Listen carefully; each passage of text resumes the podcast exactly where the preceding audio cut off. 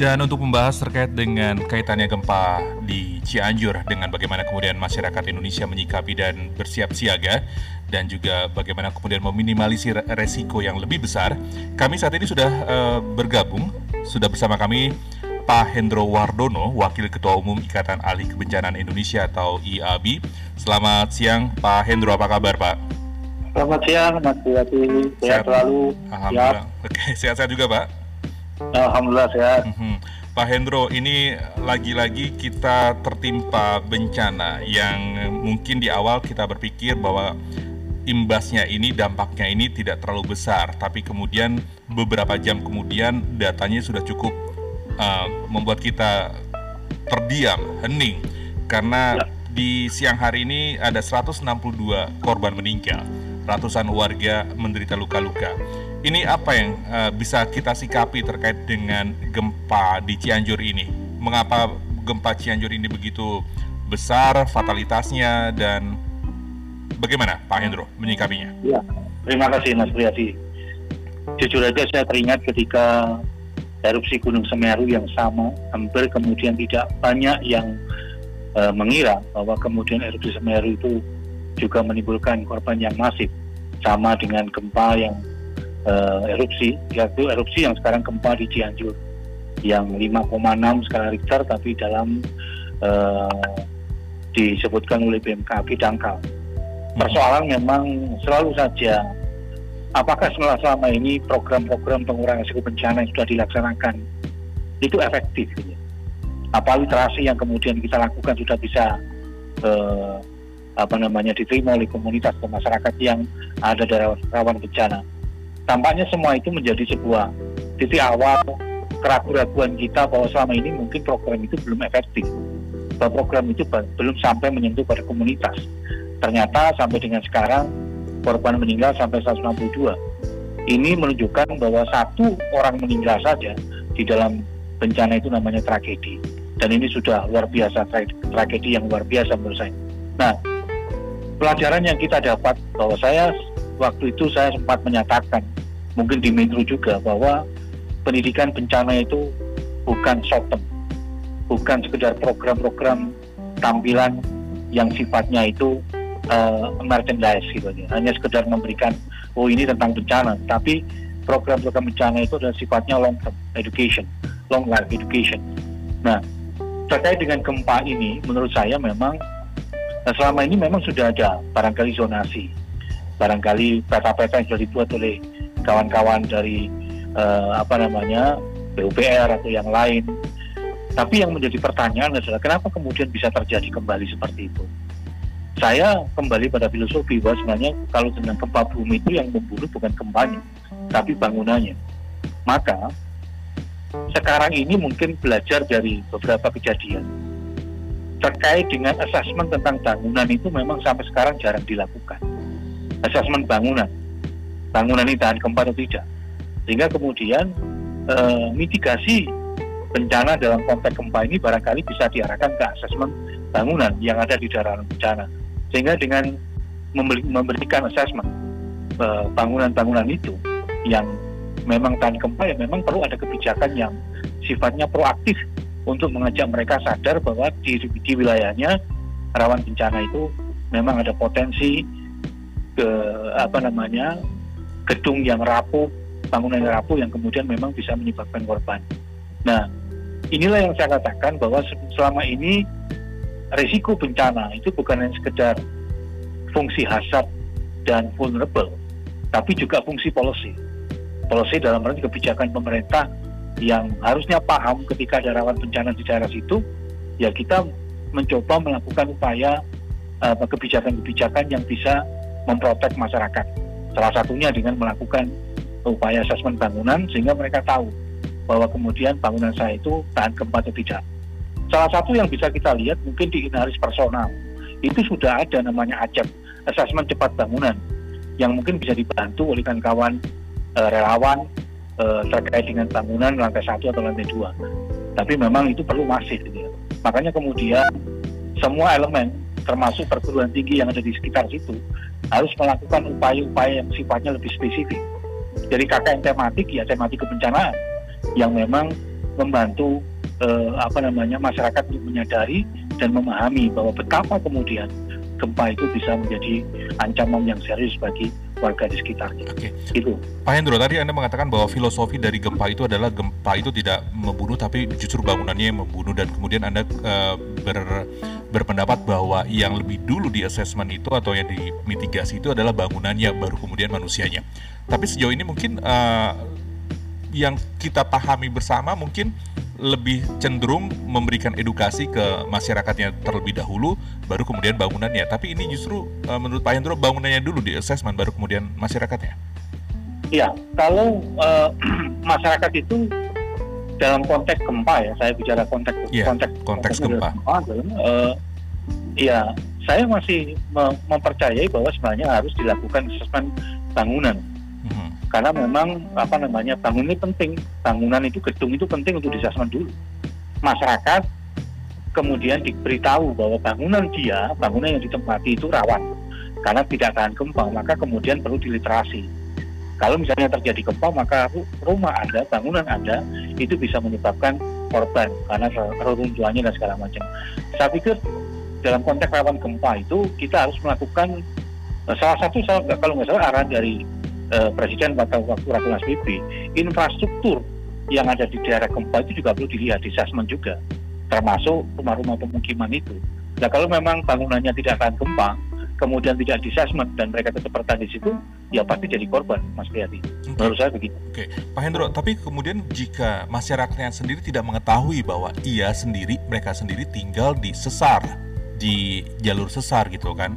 Kalau mungkin ketika mereka tahu, maka mereka akan melakukan asesmen yang jauh lebih baik terhadap bangunannya atau memilih untuk tidak mendirikan bangunan di aliran uh, di jalur sesar seperti itu.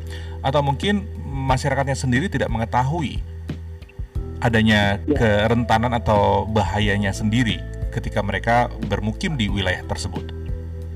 Sebenarnya kalau kita apa namanya dengan digitalisasi yang sekarang ada itu Mas Priyati saya pikir apalagi misalnya mereka di apa namanya diliterasi dengan inalis personal atau mungkin dia melihat akses dari BPMBG atau yang lain informasi-informasi tentang zonasi itu kan bisa didapat diperoleh dengan melalui situs resmi BPBD, BPMBG atau BMKG uh, eh, itu bisa diakses ya mereka. Mereka paham bahwa misalnya lokasinya itu rawan gempa dan saya yakin uh, apa namanya ada tiga hal sebenarnya yang harus kita lakukan dalam konteks rawan gempa, rawan bencana itu.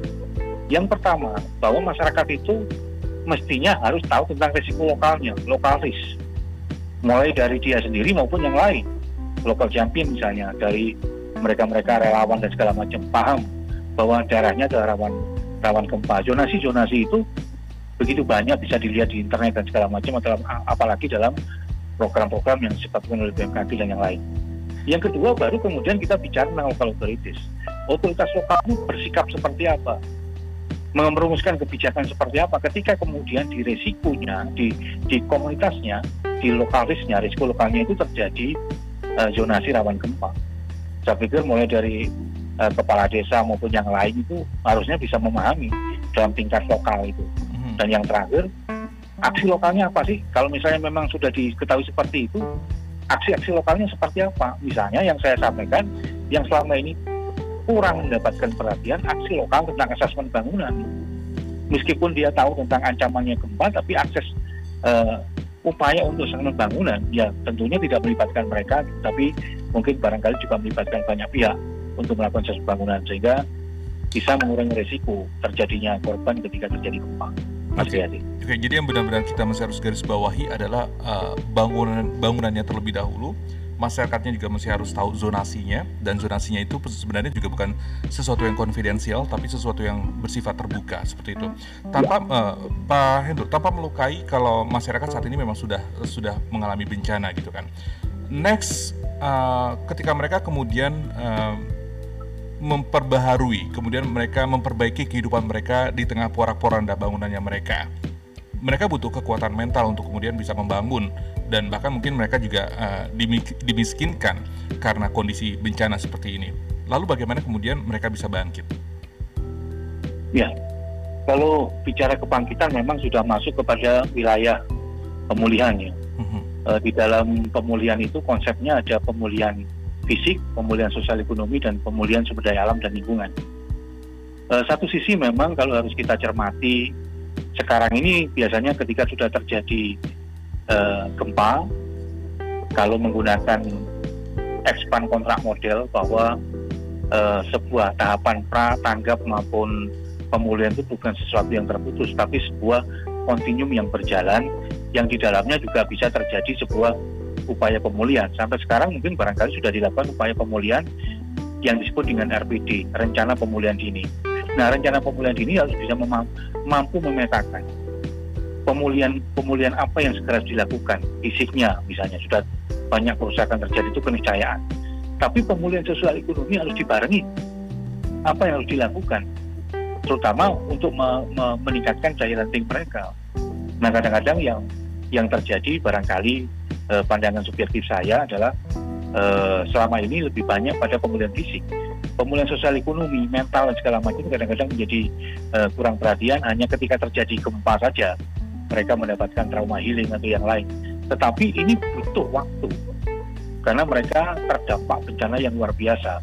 Sehingga pemulihan sosial ekonomi ini mestinya juga harus mendapat perhatian yang luar biasa uh, uh, bagi warga korban gempa ini, Mas Priyati. Oke, Pak Hendro, uh, bagaimana juga dengan kaitannya ketika kita uh, ya tidak akan pernah lepas terkait dengan asesmen bangunan kalau kita bicara soal bencana gempa bumi. Lalu bagaimana kemudian uh, kita melihat sekarang ini justru masyarakat merasa uh, kurang mendapatkan uh, apa kurang mendapatkan uh, bantuan logistik seperti itu peran mereka sendiri ketika uh, sebagai garda terdepan yang mengalami bencana. Kita ingat dengan konsep pengurangan resiko bencana berbasis komunitas. Apakah ini juga dirasa atau dilihat oleh Pak Hendro belum mampu hingga ke akar-akar masyarakat? Sementara uh, tadi kita juga kita singgung bahwa uh, ini belum cukup untuk bisa sosialisasi terkait dengan kebencanaan segala macam seperti itu Pak Hendro? Ya, saya berpendapat begini, ya memang isu tentang PRBBK atau pengurangan risiko bencana berbasis komunitas sudah lama diletupkan oleh kawan-kawan bagian bencana.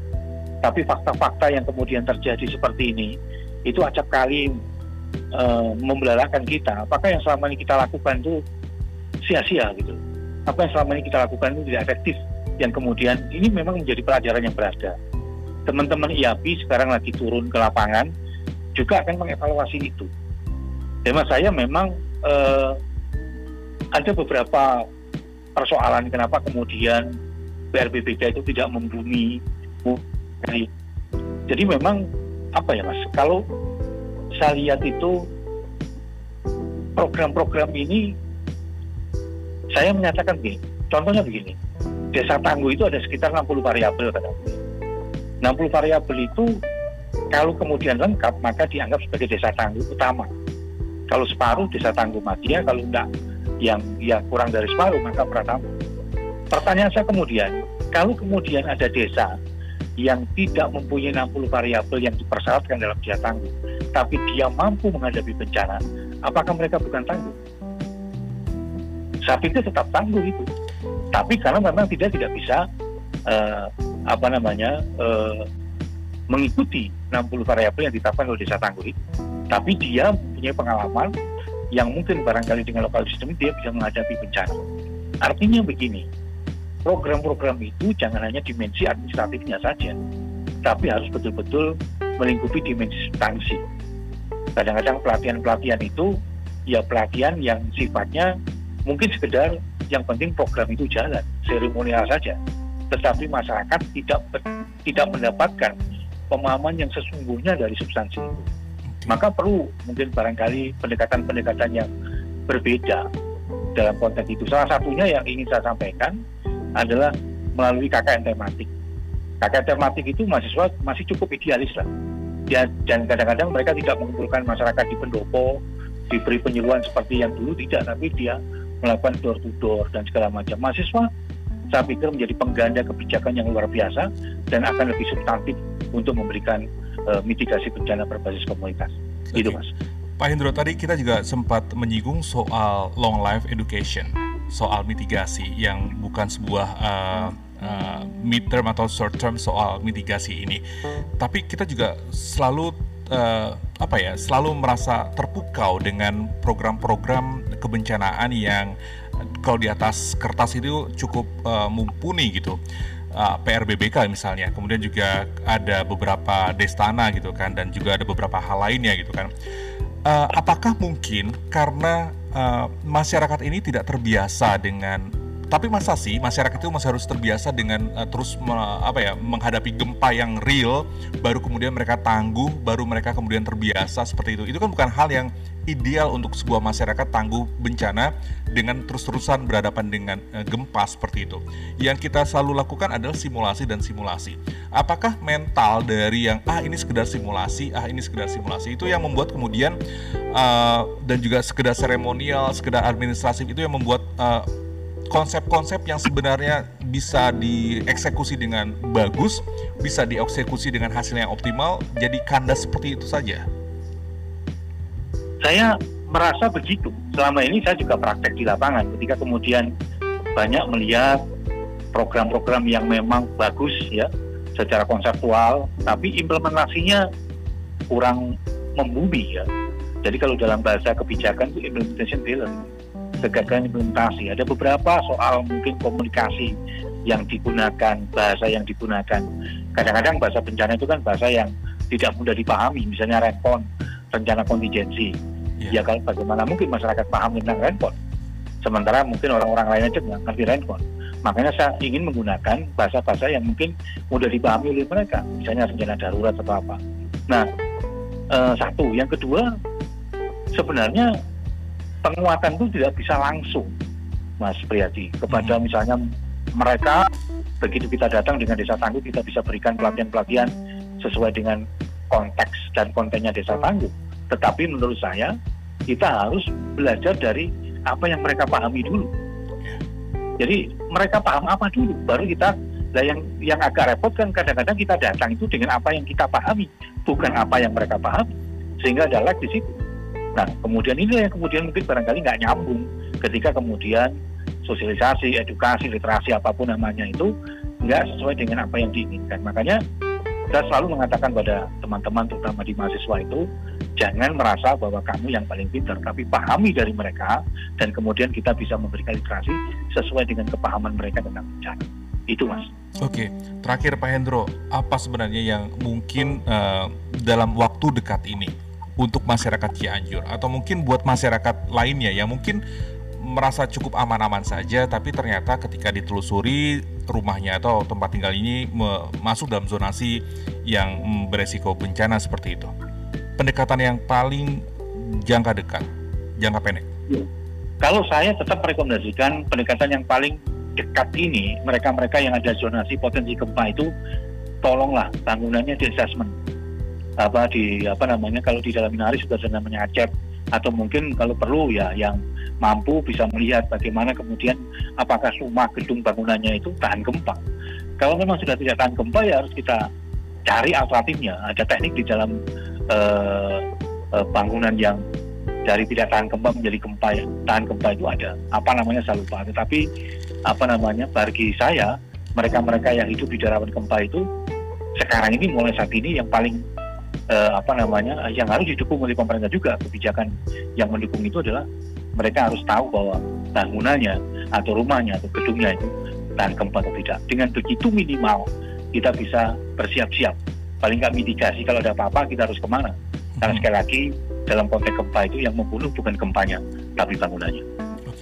Kalau saya bisa sarikan, bencana gempa ini yang perlu harus difokuskan terlebih dahulu adalah bagaimana kemudian mengasesmen bangunan, baru kemudian bagaimana masyarakatnya sendiri bisa mendapatkan long life education, education berupa mitigasi, dan uh, juga harus juga mengenal zonasi wilayah tempat tinggalnya, baru kemudian mungkin pemerintah bisa mendukung terkait dengan uh, dukungan uh, sosial ekonominya juga diperkuat pasca gempanya seperti itu.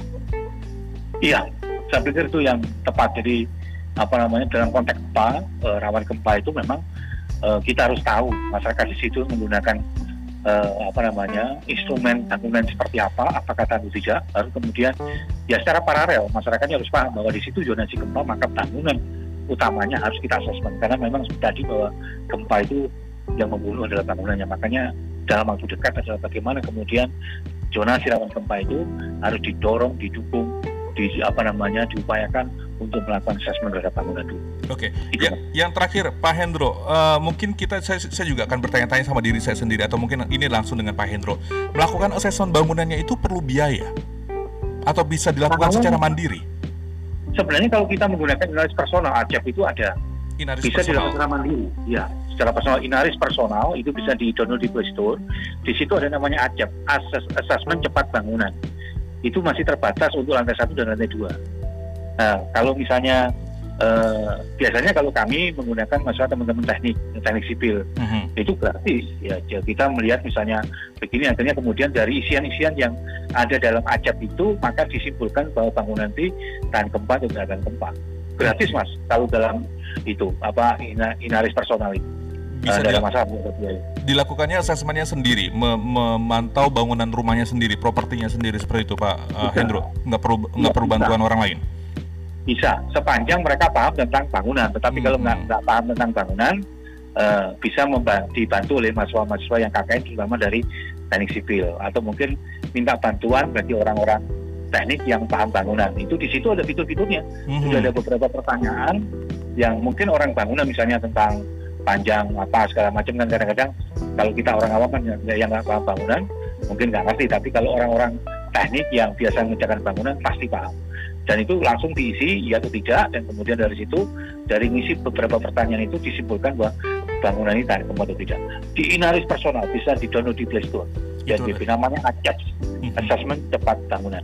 Oke, okay. itu tadi ya MG Listener uh, mungkin ketika Anda saat ini sedang memegang telepon genggam Anda bisa ke Play Store bisa mengakses Inaris Personal terus kemudian juga coba lihat ke menu Assessment Cepat uh, Bangun dan Anda sendiri bisa melakukan asesmen bangunan Anda secara mandiri dan bisa mengetahui apakah ini layak atau enggak. Tapi ini sejauh ini baru di lantai satu dan dan di lantai dua, Pak ya? Iya, masih lantai satu dan lantai dua, masih belum lebih dari lantai itu. Tapi tidak apa-apa, rata-rata mayoritas kita kan masih lantai satu kan, mas. Apa? Betul, betul, apa, betul. Ya. Paling tidak kita sendiri sudah sadar kalau misalkan kita tinggal di zonasi yang berbahaya, lokal risknya bagaimana, kemudian juga aksi lokalnya bagaimana, dan kemudian yang paling tidak kalah penting bahwa filosofi dari kalau kita bicara soal bencana gempa bumi maka filosofinya adalah gempa bumi itu tidak membunuh tapi justru bangunan yang uh, rentan atau bangunan yang lapuk atau tidak tidak tahan gempa itu yang akan membunuh. Karena memang kemarin itu banyak sekali yang uh, uh, korban gempa di Cianjur itu mengalami fraktur patah tulang itu karena ketimpa bangunan dan juga banyak yang cedera. Jadi mungkin benar dan kita juga bisa mengambil positif dari percakapan kita siang hari ini Pak Hendro bahwa lebih baik kita saat ini uh, kita tidak tahu kapan gempa itu terjadi, tapi sambil menunggu uh, dalam ketidakpastian gempa itu kapan terjadi, maka yang kita harus lakukan saat ini adalah mengasesmen bangunan kita sendiri. Seperti itu. Ya, betul. Baik. baik. Terima kasih Pak Hendro atas waktunya. Pak Hendro Wardono, Wakil Ketua Umum Ikatan Ahli Kebencanaan Indonesia sudah bergabung di Suara Plus 62 di uh, eh, 94.7 FM. Sehat-sehat selalu dan semoga ini juga didengarkan oleh uh, pendengar MG Radio Network tidak hanya di Jakarta tapi juga di Medan dan juga di Makassar. Sekali lagi terima kasih Pak Hendro, sehat-sehat selalu. Terima kasih Mas Yadi, sehat-sehat selalu juga. Mas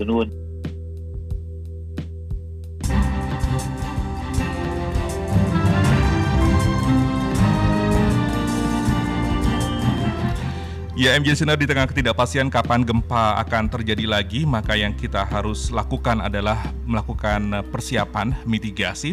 Dari Pak Hendro tadi mengatakan bahwa saat ini mungkin yang bisa kita lakukan adalah melakukan asesmen bangunan kita dengan uh, secara mandiri. Bisa itu dilakukan oleh uh, kita sendiri dengan uh, meng-upload uh, mendownload Inaris personal, kemudian juga bisa ke asesmen cepat bangunan dan kita bisa mengetahui apakah bangunan kita atau properti kita itu tahan gempa atau tidak. Sekali lagi, uh, semua informasi tidak bukan merupakan sesuatu, sesuatu yang konfidensial, tapi itu semua sudah uh, tersedia baik dari pemerintah maupun juga dari mereka-mereka dari NGO yang telah memberikan banyak informasi terkait dengan zonasi dan uh, kebutuhan penanganan bencana di Indonesia.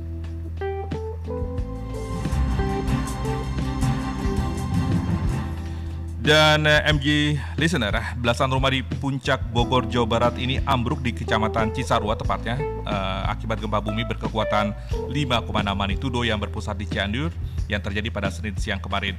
Dampak kerusakan yang ditimbulkan akibat gempa ini menyebabkan sebanyak dua rumah ambruk dan 13 rumah warga di empat desa yakni Desa Citeko, Ciberem, Tugu Utara, dan Desa Tugu Selatan juga mengalami keretakan pada bagian dinding.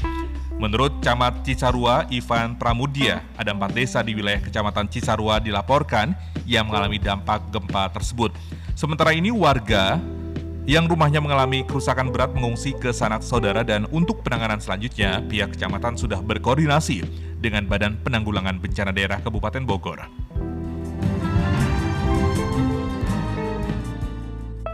Dan untuk mengetahui kondisi terkini di lokasi gempa di Cianjur, kita telah berhubungan bersama dengan Syera, Sheha Safira, reporter dari MGN. Selamat sore, Sheha. Selamat sore. Seha, iya, Seha bagaimana dengan uh, hasil dari kunjungan Presiden Joko Widodo di lokasi gempa saat ini? Apakah masih melakukan kunjungan atau sudah selesai? Prihadi saat ini uh, saya sedang berada di lokasi longsor uh, yang terjadi akibat gempa yang terjadi di Cianjur kemarin. Dan tadi Presiden Joko Widodo sempat datang berkunjung untuk mengawasi dan melihat secara langsung proses evakuasi yang dilakukan oleh TNI Polri dan uh, tim gabungan lainnya uh, terhadap korban-korban yang diduga masih tertimbun dari tanah-tanah akibat longsor ini dan tadi Presiden Joko Widodo didampingi oleh Menko PMK Muhajidin Effendi, uh, Gubernur Jawa Barat Ridwan Kamil, Kasat eh, Jenderal uh, Dudung Abdurrahman dan juga tim gabungan dari TNI dan Polri.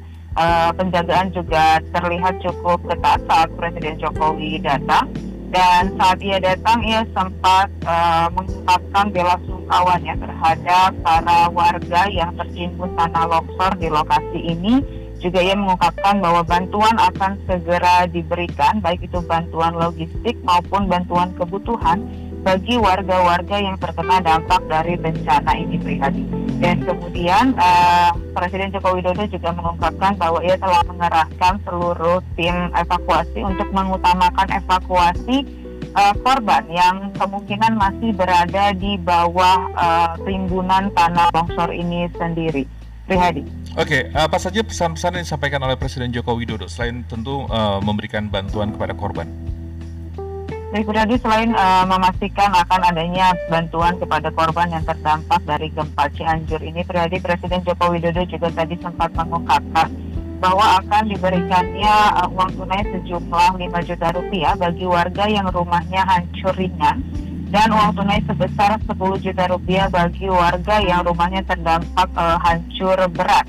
Juga ia mengungkapkan bahwa uh, rumah-rumah warga yang akan dibangun kembali lagi ini harus uh, menggunakan standar yang sesuai dengan PUPR mengingat uh, gempa yang terjadi ini merupakan bencana 20 tahunan uh, yang kemungkinan akan terjadi lagi mendatang nanti dan juga Presiden Joko Widodo setelah mengunjungi lokasi longsor di tempat saya berada ini dia lanjut untuk mengunjungi dan uh, dan memantau langsung lokasi-lokasi rumah warga di Kabupaten Cianjur yang terdampak dari gempa ini. Dan kemudian uh, Presiden Joko Widodo juga akan langsung meninjau korban-korban luka yang masih dirawat di RSUD Saya. Begitu Prihadi.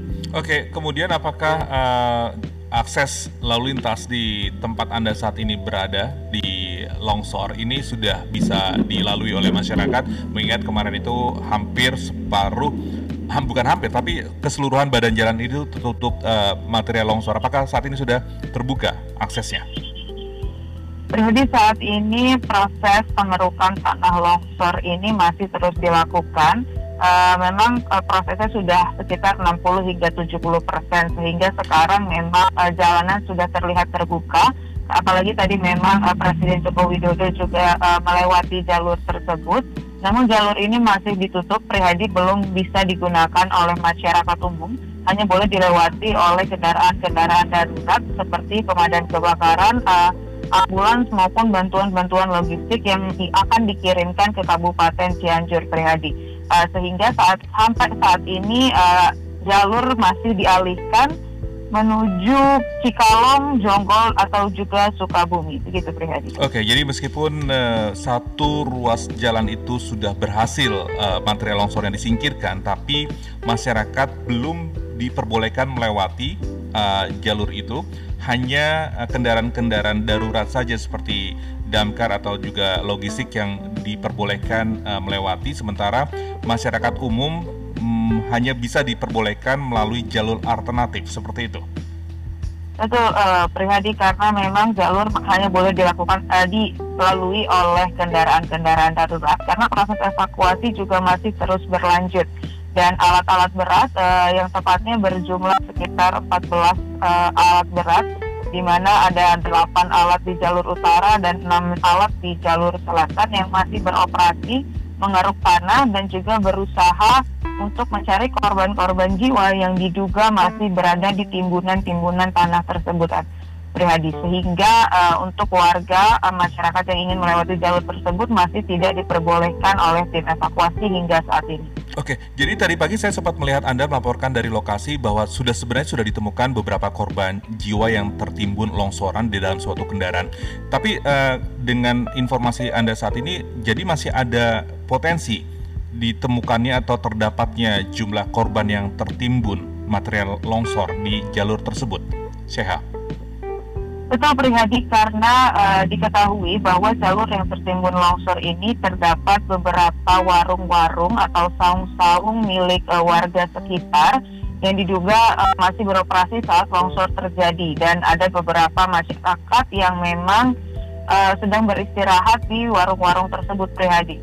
Dan juga diketahui ada satu buah angkot yang isinya kurang lebih sekitar 15 orang yang ikut tertimbun oleh tanah longsor ini juga ditemukan beberapa kendaraan-kendaraan uh, dan juga plat kendaraan yang berbeda sehingga masih uh, diperkirakan akan ada beberapa korban jiwa lagi yang masih tertimbun di bawah uh, material longsor ini.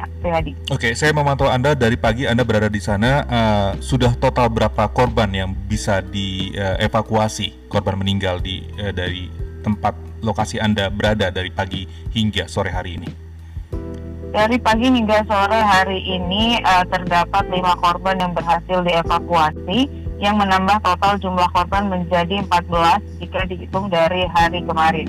Dan untuk 14 korban ini masih diidentifikasi, identitasnya karena sampai saat ini belum bisa diketahui baik identitas maupun jenis kelamin dari uh, korban-korban tersebut PHD dan yang bisa dikonfirmasi kemarin sempat ditemukan adanya tiga orang pria dan dua orang wanita yang di mana salah satunya masih anak sekolah. Namun untuk korban-korban yang baru ditemukan hari ini belum bisa diidentifikasi jenis kelaminnya e, karena korban-korban tersebut telah dikirimkan ke RSUD terdekat yakni RSUD Sayang di Kabupaten Cianjur dan juga RSUD Cimacan yang berjarak kurang lebih sekitar 10 km dari lokasi longsor. Oke, jadi bisa saya uh, simpulkan bahwa yang meninggal dan tertimpa longsor tersebut itu adalah uh, mereka yang kebetulan melintas di jalur tersebut dan juga masyarakat yang memiliki penghidupan ekonomi di jalur tersebut karena membuka warung seperti itu dan kemudian tiba-tiba longsor terjadi. Begitu. Betul Prihadi, karena memang uh, ketika saya berada di sini saat ini uh, dapat terlihat ada beberapa rumah-rumah yang terdampak dari longsor ini. Masih ada uh, rumah yang setengahnya ikut uh, longsor ke tebing dan uh, beberapa uh, sebagian rumahnya masih berdiri. Sehingga uh, dapat dipastikan bahwa itu merupakan tempat tinggal warga yang uh, sedang men, uh, sedang berjualan di pinggir-pinggir jalan dan memang dari informasi dari pihak kepolisian maupun warga setempat yang berada di lokasi longsor, uh, lokasi itu sedang ramai ketika longsor terjadi sehingga memang banyak kendaraan yang tertimbun. Uh, kendaraan yang sudah dipastikan ditemukan adalah tadi pagi sempat diderek satu buah minibus, juga ada dua buah truk dan ada satu buah angkot yang sudah ditemukan dan juga ada uh, tiga kendaraan roda dua yang ditemukan di uh, timbunan material longsor. Oke. Okay. Terakhir, uh, pertanyaan, terakhir pertanyaan saya, apakah kondisi cuaca saat ini di lokasi uh, cerah dan apakah uh, proses evakuasi dari uh, korban di lokasi Anda laporkan saat ini mm, akan terus dilakukan 24 jam tanpa henti? Syekh? Uh, baik Hadi, uh, untuk informasi yang kami dapatkan uh, sampai saat ini evakuasi akan terus dilakukan dan diperkirakan akan selesai sore hari nanti. Karena memang uh, cuaca pada hari ini masih cer cukup cerah. Tadi pagi mungkin sekitar jam 10 sempat mendung namun cerah kembali sehingga uh, proses evakuasi masih bisa terus dilakukan oleh tim yang berada di lokasi dan uh, saat ini proses uh, pengerukan tanah sudah berjalan kurang lebih 60 hingga 70 persen dan tadi memang uh, tim evakuasi mengonfirmasi bahwa apabila cuaca masih terus mendukung maka proses dari pengerukan tanah ini akan selesai kurang lebih sore hari nanti. Baik, semoga kita berharap juga bahwa tim yang melakukan uh, langkah evakuasi dan uh, pemindahan material longsor ini bisa segera uh, bekerja dengan baik tanpa ada halangan, tanpa ada kendala cuaca sehingga para korban yang uh, diidentifikasi atau kemudian yang diperkirakan masih tertimbun bisa segera ditemukan dan bisa segera dimakamkan. Terima kasih sehat atas laporan Anda. Saya tahu Anda sejak pagi tadi berada di lokasi sampai kemudian um, bertanya kepada Presiden Joko Widodo sampai kemudian bertatap muka terbuka dan bertanya langsung terkait dengan apa uh, langkah antisipatif dan langkah lanjutan terkait dengan tanggap darurat di gempa Cianjur ini. Sekali lagi, Syekha, terima kasih atas laporan Anda. Sehat-sehat selalu dan jaga Baik. kesehatan.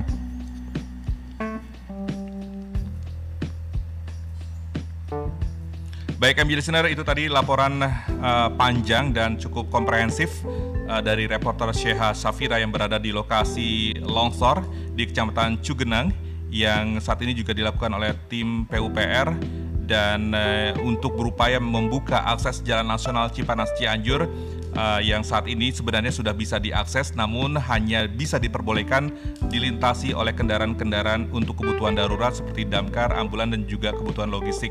Sementara untuk masyarakat lainnya bisa menggunakan jalur alternatif dan upaya untuk uh, menemukan kembali korban-korban yang tertimbun longsor ini ternyata dari fakta yang disampaikan oleh Syah ini tidak hanya kendaraan yang kebetulan melintas kemudian tertimbun tapi juga ternyata ada warung-warung warga masyarakat yang memang beraktivitas ekonomi di wilayah tersebut atau di titik longsor dan kita segera berharap ini bisa uh, ditemukan dengan segera mungkin. 94.7 FM MG Radio Network